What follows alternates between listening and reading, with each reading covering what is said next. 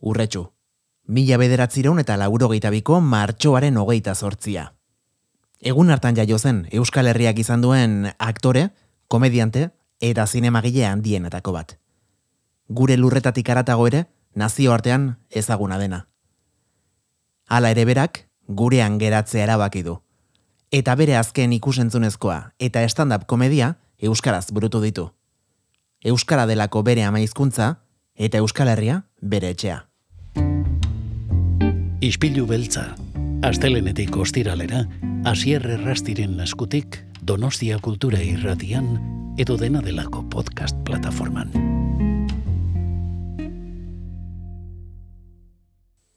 Jon Plaza, hola, ongi etorre gure izpilura. Eskerrik asko asier, zen zaudete? Os, ondo hementxe lan eta lan, e, zu imaginatzen dut. Bai, bai, guri ere gulandi falta, eta hori da albizterik onena. Aste honetan ere, prakabetelan izango deu, beraz, eh, animo ondiakin da ilusioakin. Bai, ostira lonetan eh, etorreko zarelako donostiara zure ikuskizun berriarekin, tutun platz izena duena, eh, ez dakit, eh, konta iguzu, zer dakarkizun eskuartean?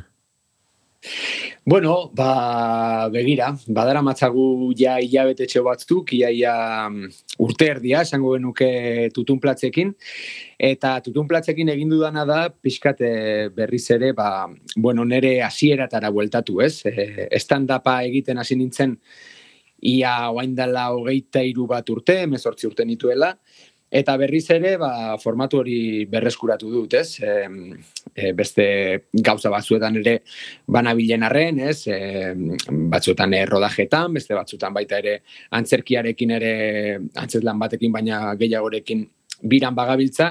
Baina banaukan gogoa berriz ere formatu honi eusteko, ez? Eta tutun platzek, ba, e, sorlekura narama berriz ere.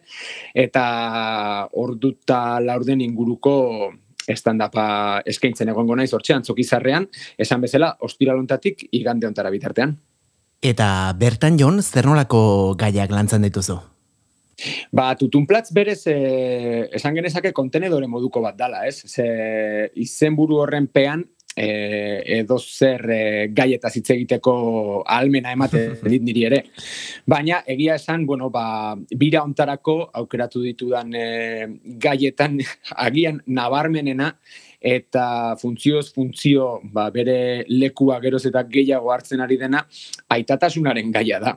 Ze tutun platze estrenatu nuen maiatzaren bostean, nere semea Teo e, maiatzaren bian jaio zen. Orduan maiatzaren bosteko emanaldi hartan, estrenuko emanaldi hartan, tolosako e, leidorren, aitatasunaren e, bloke horrek e, bere lekutxoa e, hartu zuen lehenengoz, baina e, funtzioz funtzio e, teorekin batera, e, nire semearekin batera, azten joan den e, blokea izan da, orduan orain e, bloke potentea da itatasunarena.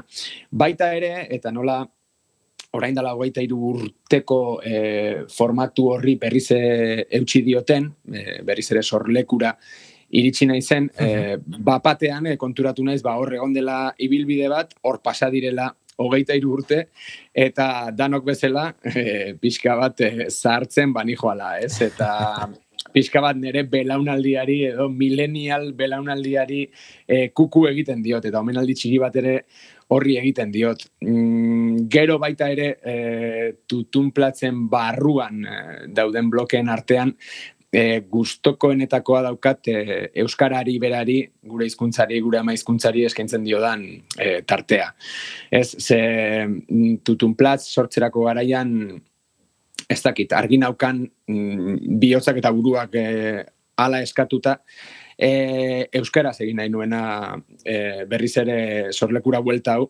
Euskaraz izan bertzuela, e, euskaraz euskaldunentzako egindako bakarrizketa izan bertzuela, eta eta alaxe da, eta horregatik e, euskarari eskaintzen dio dan tarte horrek ere e, presentzia handia dauka, eta eta gainera ez dakit kutxunena daukatia ia, ez? E, Aitatasunarekin batera noski.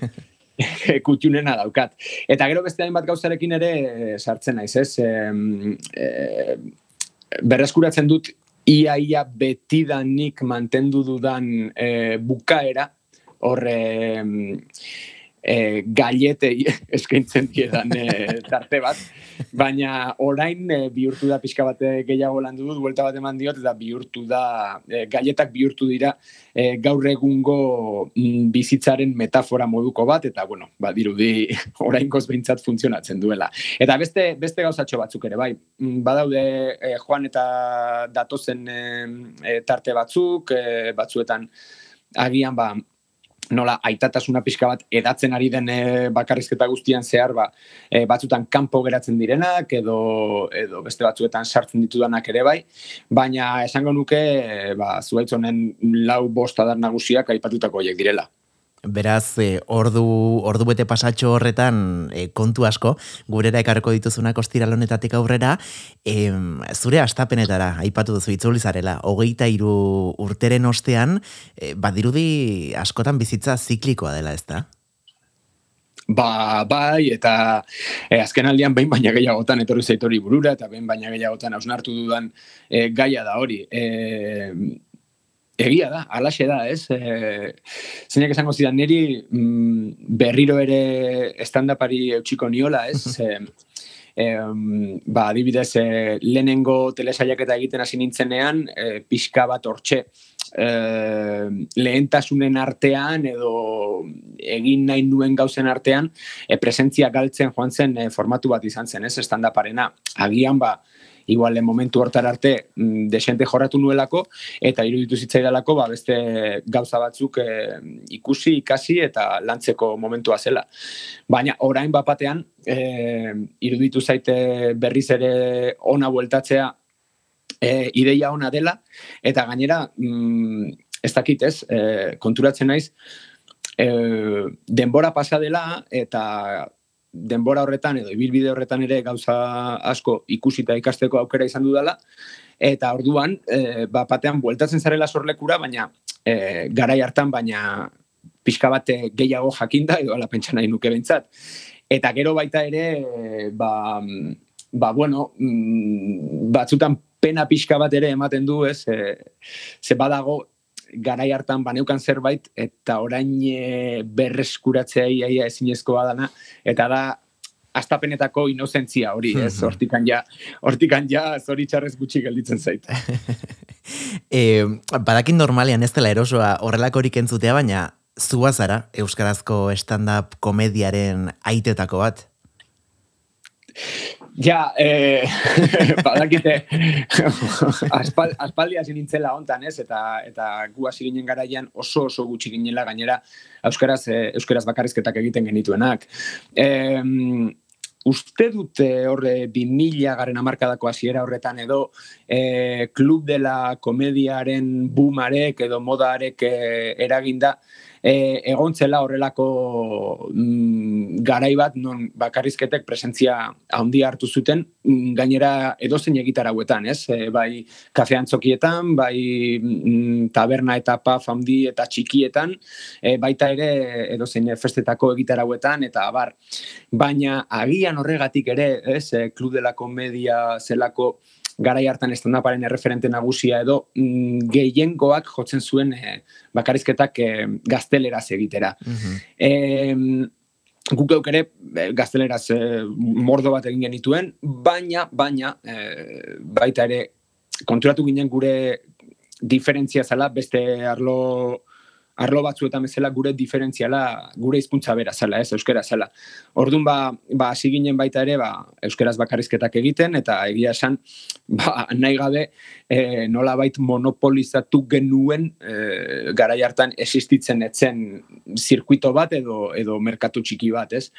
Orain, zorionez, e, egia da, pixkanaka, pixkanaka, eh, ez dakite deiti ezaiok egun eh, panorama bat, baina Euskaraz egindako bakarrizketan inguruan giro bat sortu dela, eta hori sekulako albiste hona da mm, denontzat. Uh Geroz eta gehiago gara, esaten dute bakarrizketan baita ere, geroz eta gehiago gara, eta geroz eta gehiago izan, gero eta hobeto beraz, e, hau, eutxi diezaiogun honi, eta segi, segi diezaiogun e, geroz eta tarte handiago ematen, ez, Euskaraz egindako bakarrizketei.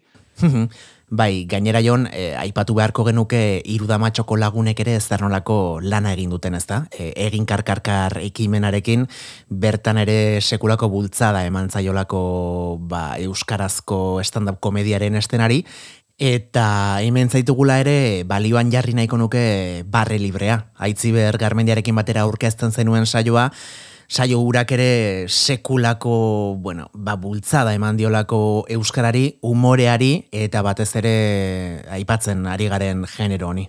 Jo, bastak izuze ilusio egiten diten gaina hori entzuteak.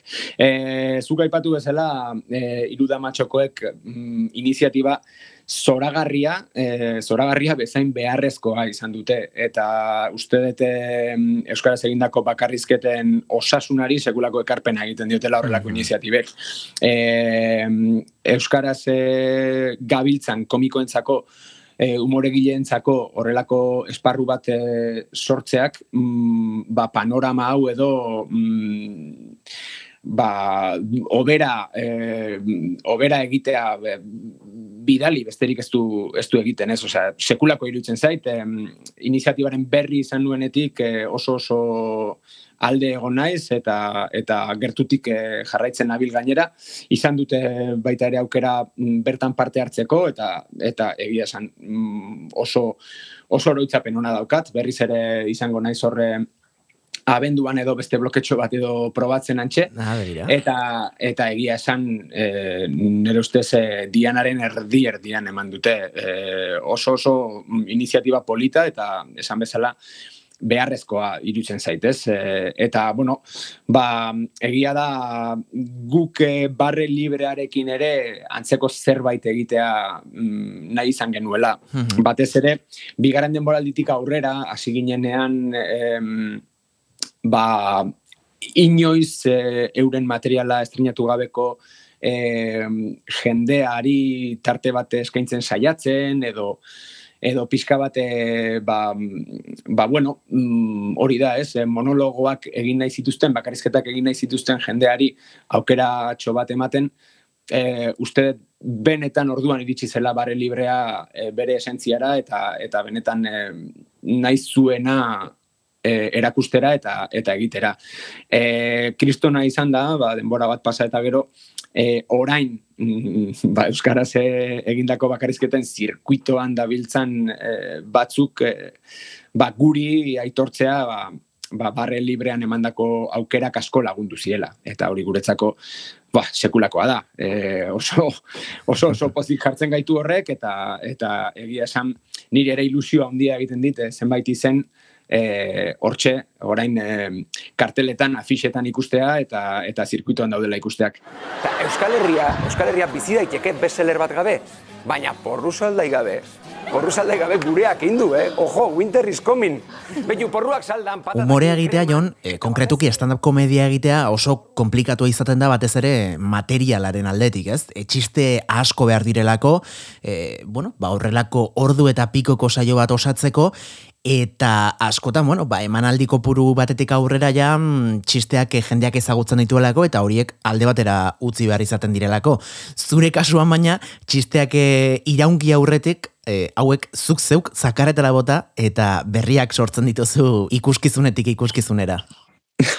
bai, ez dakit hori, e, zea den, ez, e, defektua den, virtutea den, e, ez dakit, ez dakit hori, horrein nola deitu, ez, baina e, askotan ni neu naiz e, lehena nere txiste propioekin aspertzen. Eta egia da ez dudala, ez dudala tutunplatzen e, gidoia pakean usten e, minutu bat beraz ere, e, etengabe e, kuestionatzen ditute botatzen ditudan txiste guztiak, e, etengabe kuestionatzen dute erritmoa, tonua eta eta hor nabil, ez? Ez dute pake handirik izaten zenbaitetan askoz lasaiago egoten naiz e, antzeslan baten aurretik, ez? Beste kide batzuen kin batera egiten duen antzeslan baten aurretik, ze badakit hor badagoela gidoi bat itxita dagoena, e, ba bai, zuzenean ere egiten dugu eta zuzenean gauzak pasa egiten dira, baina baina bueno, e, pixka bat kontrolatuagoa egoten dela hori guztia, eta asko zere lasaiago egoten naiz, e, antzeslan baten aurretik, e, bakarrizketa baten aurretik, baino, ze azkeneko azkeneko minutur arte, e, tutun platzen kasuan Arturo Erregearen marrazki bizidunen musika azten den arte, horre egoten naizelako, ea beste zeo zer zaidan, ea mm, txisteren bat modu hortara esan beharko nuken edo beste modu batera, eta ez dut, ez dut kieto usten. Eta gainera, zeo zer berria okuritzen baldin mazait, nahi izaten dut urrengo eh, emanaldian sartu, ba, ez dakit, ez, eh, bapatean horrelako eh, etorkizunerako kajoi batean sartu beharrean, ez, gorde beharrean edo edo ez dakit, eta, eta karta guztiak e, ikusgai ditu dela ateratzen naiz beti, ba, egia da, osea, ez dakit hori akatsa edo virtutea da, esan deten bezala, baina mm, egia esan horrek ere mantentzen hau e, oso alerta eta oso kontzentratua, ez, etutun platz egin behar duan bakoitzean, eta lehen esan bezala nola, bapatean iruditzen itzen zaiten e, orain dela hogeita urteko inozentzia edo edo ez dakit e, astapenetan dabilen bati dagokion freskotasun natural hori e, agian ezin dudala berriz ere berreskuratu e, nire burua etengabe saboteatzeak edo boikoteatzeak bai ematen didala e, nola baiteko preskotasun edo edo premia hori erakustea eta uste dut e, hori gustatuko litzaidakela mantentzea bintzat. Bada pixka bat ez, adrenalina hori e, nolabait lortzeko bide bat ere. Hori da, bai, bai, bai, bai. Azkenan hori da, ez, zuk esan duzuna da, adrenalina da. Gu eh, adrenalinak mugitzen gaitu, mm, esan bezala zenbaitetan egoten garen urduri, ez, eh, holtzara atera urretik, eta bueno, beti esan dut, urduritasun hori bukatzen den egunean, agian eh, pentsatuko dut usteko denbora ere badela, ez, ez, uste, e, hori dela azkenean e, adierazlea zure barruan e, adrenalina hori borbor dagoela. Eta azkenean e, atera behar duzunean eta holtzan zaudenean orduan sentitzen zara eroso, orduan sentitzen zara egan, orduan sentitzen duzu dana ba, pixka fluitzen ari dela, ez, e, dana hor dagoela. Eta eta hori da guk behar dugun gasolina azken finean, ez, adrenalina hori. Jon, ez dakitena da horrelako lan edo obra koloretsuetan hitz bat nola sortzen den, izan ere, bueno, bantzerki batek besteak beste badu ari narratibo bat, e, egitura finko bat, ikuskizunetik ikuskizunera aldatzen ez dena, baina hemen bloke asko, pieza solteak, e, momentuan okurretzen zaizkizun txisteak, publikoarekin interakzioak, nola da tutun platzen sortze prozesu hori? Ba, askotan e, e, ez da jakiten mm, zein izango den e, denaren e, abia puntua, zein izango den iturburua, batzutan e, txiste soil bat e, bururatzen zaizu eta horren inguruan eraikitzen duzu beste guztia, ez? E, eta egia da batzutan mm, gai bat bera baino edo edo hildo bat bera baino mm, lehenago eh, agertzen dela nire kasuan behintzat, gag edo txiste konkretu bat. Mhm. Eta agian gero, e, gero erabakitzen dut zen izango den goxoki hori guztia e, estaliko duen e, papera, ez da?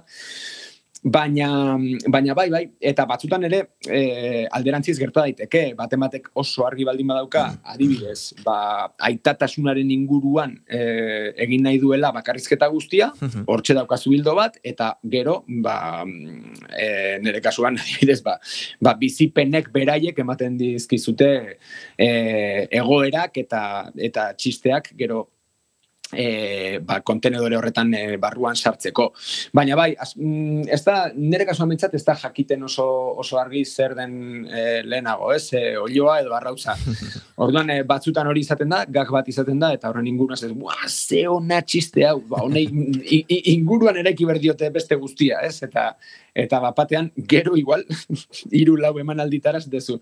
Ja, baina txiste hau eta e, igual hori zen zure bakarrizketaren e, iturburua, ez? Baina baina askotan igual gero deskartatu egiten dezu eta eta e, zeak berak e, sormen prozesuak berak beste norabide batetik e, e, eramaten zaitu. Pff, nik nun bilatzen dut baita inspirazioa, askotan e, e, mendi bat egiten, mm, ez, e, bakarri zaudela, hortxe ba, pentsamenduekin, mm, beste askotan e, zenbaitetan jeki gara ere gauerdian e, oetik eta kuadernoan bitxorra da puntatu, eta eta batean e, hortxe bitxorra da puntatu, lau, bost, eta eta ia, ia e, goizak harrapatzen zaitu, ez? Baina, baina bai, ez, nire kasuan bintzat, esaten dizut, ez dela, ez dela oso ondo oso zehatz jakiten, sormen e, prozesuan nun azten den eta eta nun bukatzen den, ez? Da, nik uste e, askori ere gustatuko litzai ba, patean esatea, bueno, ba, bihar goizeko zazpiretan jegiko naiz, eta paperaren aurrean, ordenagailuaren aurrean jarri bezain pronto, dena oso era normalean eta oso era ordenatuan e, idaztea, ez? Osea, e, nik uste dut, mm, umore giletako mm, kasu eta mintzat gutxi izango direla, edo inoiz ez, inorrez, barkatu, hasi eta hasiko dena, venga, zero, mm, openina, hasiera, ez, irekiera, hau, hau, hau, hau, hau, gero, bat, hau, bi, bestea, ez dakit. Nire kasuan bintzat, ez da, ez da asieratikan e, bukara la horrelaxe linealki joaten, eta, eta batzuetan, e, estrenatu ondoren ere joaten dira gauzak bere, bere tokian jartzen eta eta transformatzen mm, forma konkretu bat hartu arte. Kaotikoa da zentzu onenean, ez? E, nola bait. Bai, eta iruditzen zait gainera e, kaos hori e, beharrezkoa dugula guk ere, ez? E, e, umorea bera ere e, egia izatea aparte, kontatzen duguna askotan e, esperientzia propioetan e, oinarrituta dago, bentsat egitik asko dauka edo izan behar luke bentsat. E, hortaz, e, aparte gure gure bizipenek ere ematen digutela, gure bizipenek eta ingurukoen bizipenek ere claro. e, ematen digutela ba, gero umorea egiteko bidea. Eta, eta hori ez da normalean e, zuk nahi duzunean eta zuk nahi duzun tokian agertzen, ez? E, bapatean agertzen diren gauzak dira, bapatean bururatzen zaizkizunak eta transformatzen dituzunak. E, ez dakit, e, aurreko asteburuan eh, aurreko asteburuan Australian okorazpanago bi funtzio izan dituen e, Iruñerrian mutilban e, bat euskeraz eta bestea gazteleraz eta eta biak mm, arras desberdinak izan ziren. Noski e, gaztelerazko kasuan e, nik aikutuna dudan euskararen bloke hori ez dut sartzen baina euskarazkoan bai erabaki nuen struktura aldatu eta euskarazko bloketik astea eta eta hor ere adrenalina dantzan izan nuen, ez? Esan on, ui, hemendik hasi naiz, dagoen ze noa noa, ba honea, ba bestera, bestera. Eta batean konturatzen zea, bueno, ba bai, ez? Ze zuk badakizunarren normalean estruktura beste bat dela, e, mutilbako ikuslegoak ez daki. orduan, orduan e, bapatean ez duela inbeste inporta konturatzen zara eta eta funtzionatzen duela berdin berdin. No, nola kudeatzen da jon, e, bi, bi pasa jarraian izatea eta gainera bakoitza e, kakotxartean eduki ezberdinez e, osatua dagoena gainera? Bai, do, eh, aurrekoan e, e, lehenengo ze egin nuen tutun platzekin behintzat horrelako saio bat eta eta konturatu nintzen behan du xamar, igual atera baina amar minutu lehen hau edo konturatu nintzen pizto putzuan sartu nintzela sartu nintzela baina leporaino, ez da?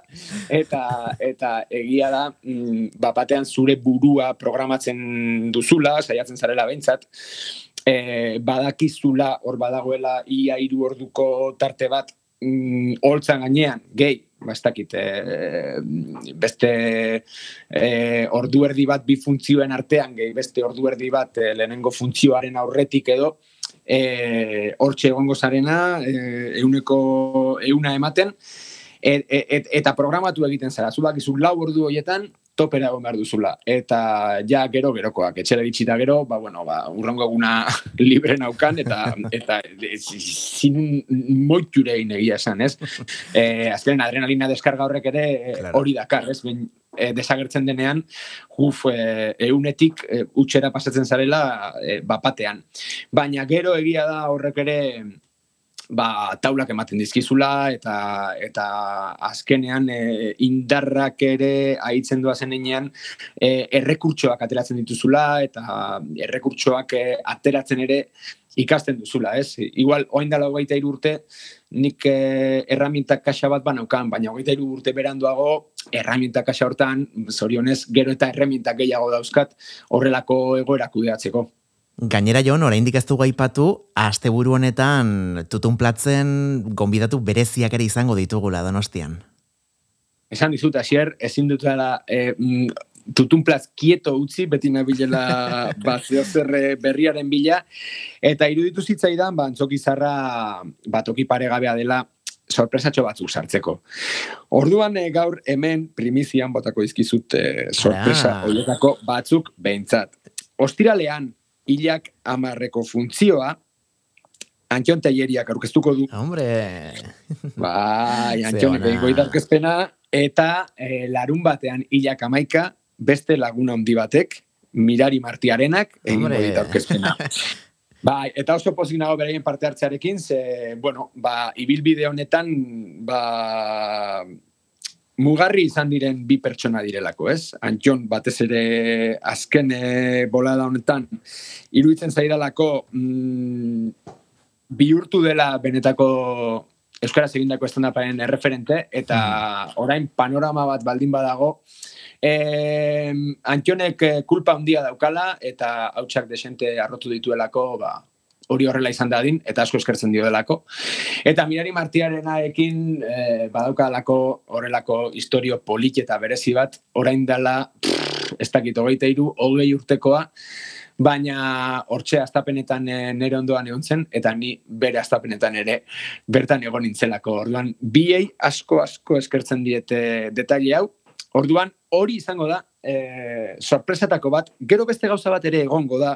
Abai? E, material bat daukate eskuartean, eta agian, agian, aldatu dezake, e, Euskaraz egindako mm, komediaren, historiaren nondik norakoa.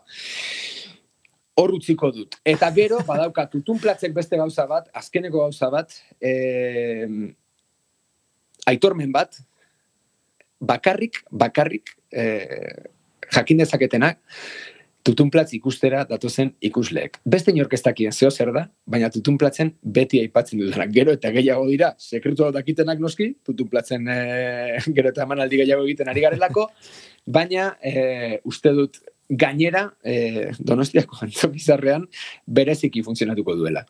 Ostras, mutu utzina zu, beraz, e, misterioz beterik etorriko da gurera e, tutun platz, e, ez, da, ez dezala inorrek galdu aste honetan, eh? E, ikuskizuna, eta, bueno, gonbidatu hauetaz gainare, zuk hortxe, eskutuan e, kontatzeko digozuna.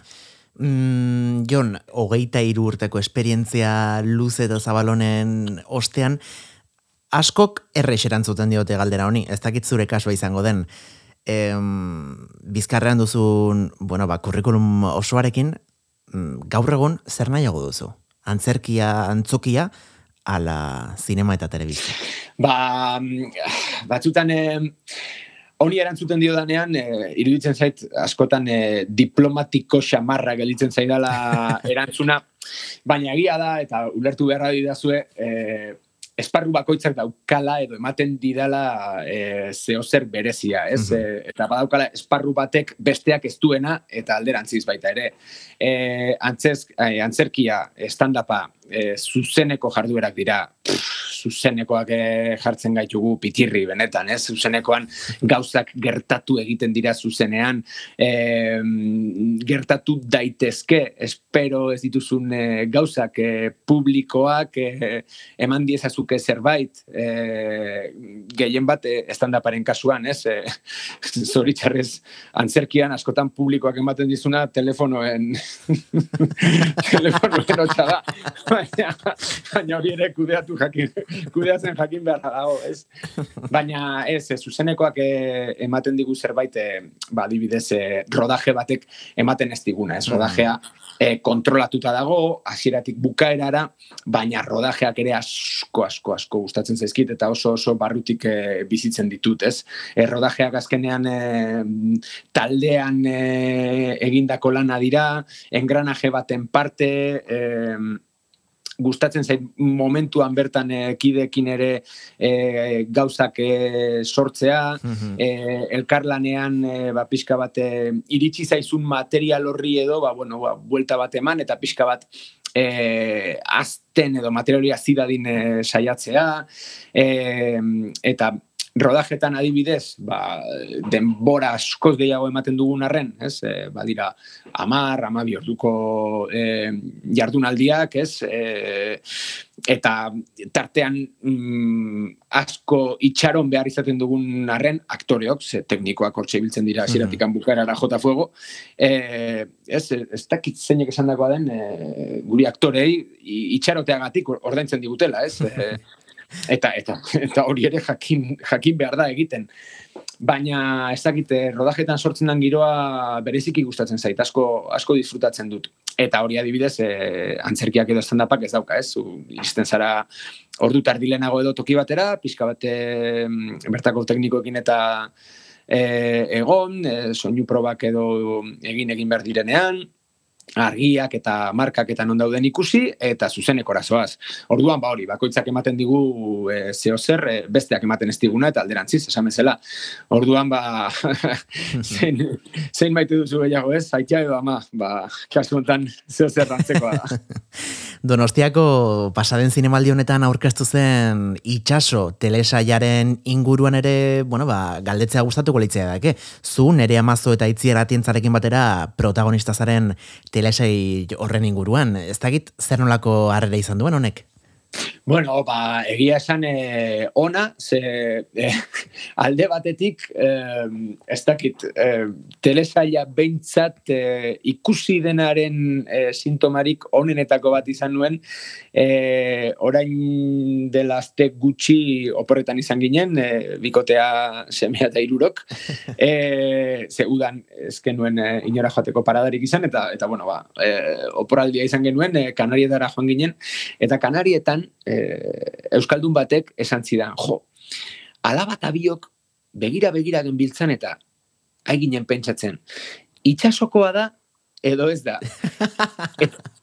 Eta kriston ilusioa aintzian lehenengo aldiz, ez zuten esan, alia bajokoa da, edo ez da, ez, eta, eta, eta jode, gainera, horrek eh, duenean, egin duzun azken lanarekin, claro. labetik atera berri den eh, lan batekin, ba, ilusio berezia egiten dizu. Eh, egia da, ba, bueno, ba, inguruan, e, jendeak ikusi duela somatu dudala e, e, kritikak ere ba, denetik entzun ditut ze, ze bueno e, egia esan guk barnetik eh, modu batera e, bizi izan dugun arren, mm, ba, jendeak mm, kanpotik beste modu batera bizitzen du. Hori derrigorrola izan beharra dauka, eta gainera kanpo begira da hori guk hor gabiltzanean e, buru belarri lanean ikusten ez duguna edo sentitzen ez duguna, guztiz beharrezkoa daukagu baita ere e, ikusteko, igual guk ikus ezin ditzak egun gauzak, ez? Orduan kritikak e, era guztietakoak e, entzun ditut, denak e, eraikitzaileak egia esan, eta denak baliagarriak, eta batez ere, eta, bueno, ba, pozik nago, e, ez dakit nola deskribatu militantzia aldetik edo, ba, bueno,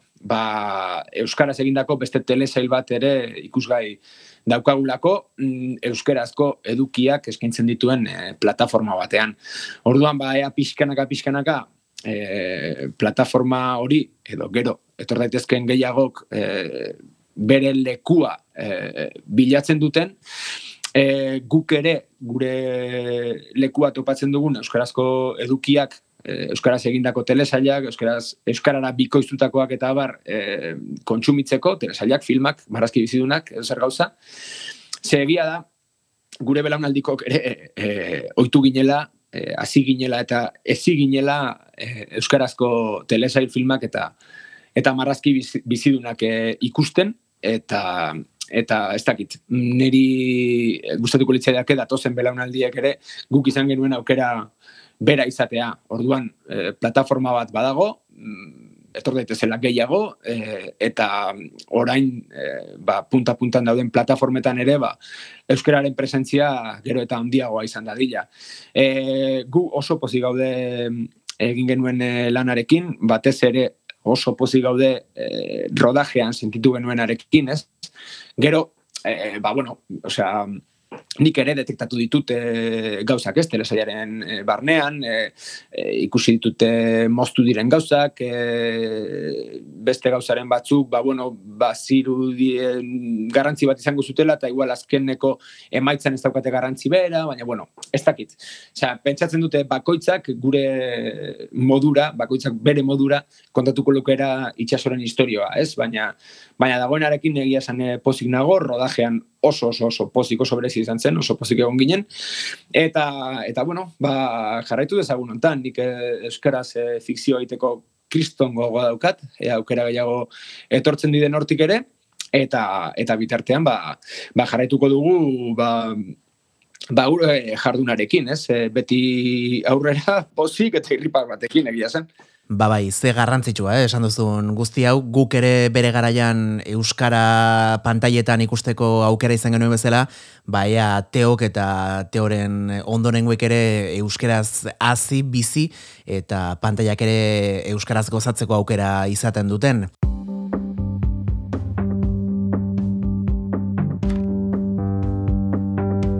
Donostian behintzat, asteburu honetan badugu plana. E, ostiralean ezin duzula, lasai, larun bateran izango da, eta bestela igandean, e, amar, amaika eta amabian, Tutun Platz Donostiako antzokizarrean. Oraindik ere sarrerak salgai daude, beraz sartu donostiakultura.eu satarian eta eta erosi zure sarrera baste honetan Jon Plazaola zuzenean ikusi izateko aurrez aurre gure irian.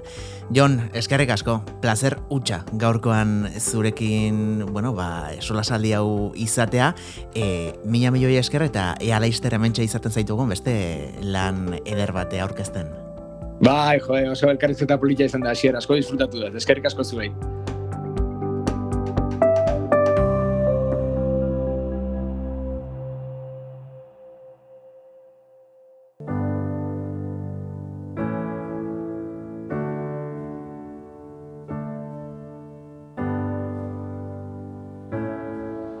Gure aldetik besterik ez, eskerrik asko gaurkoan ere ispilu beltzara hurbiltzeagatik, bi harrentzungo gara elkar Donostia Kultura Irratian goizeko zortziretatik aurrera, edo bestela zuen podcast plataforma kutxunanean goizeko seiretatik abiatuta.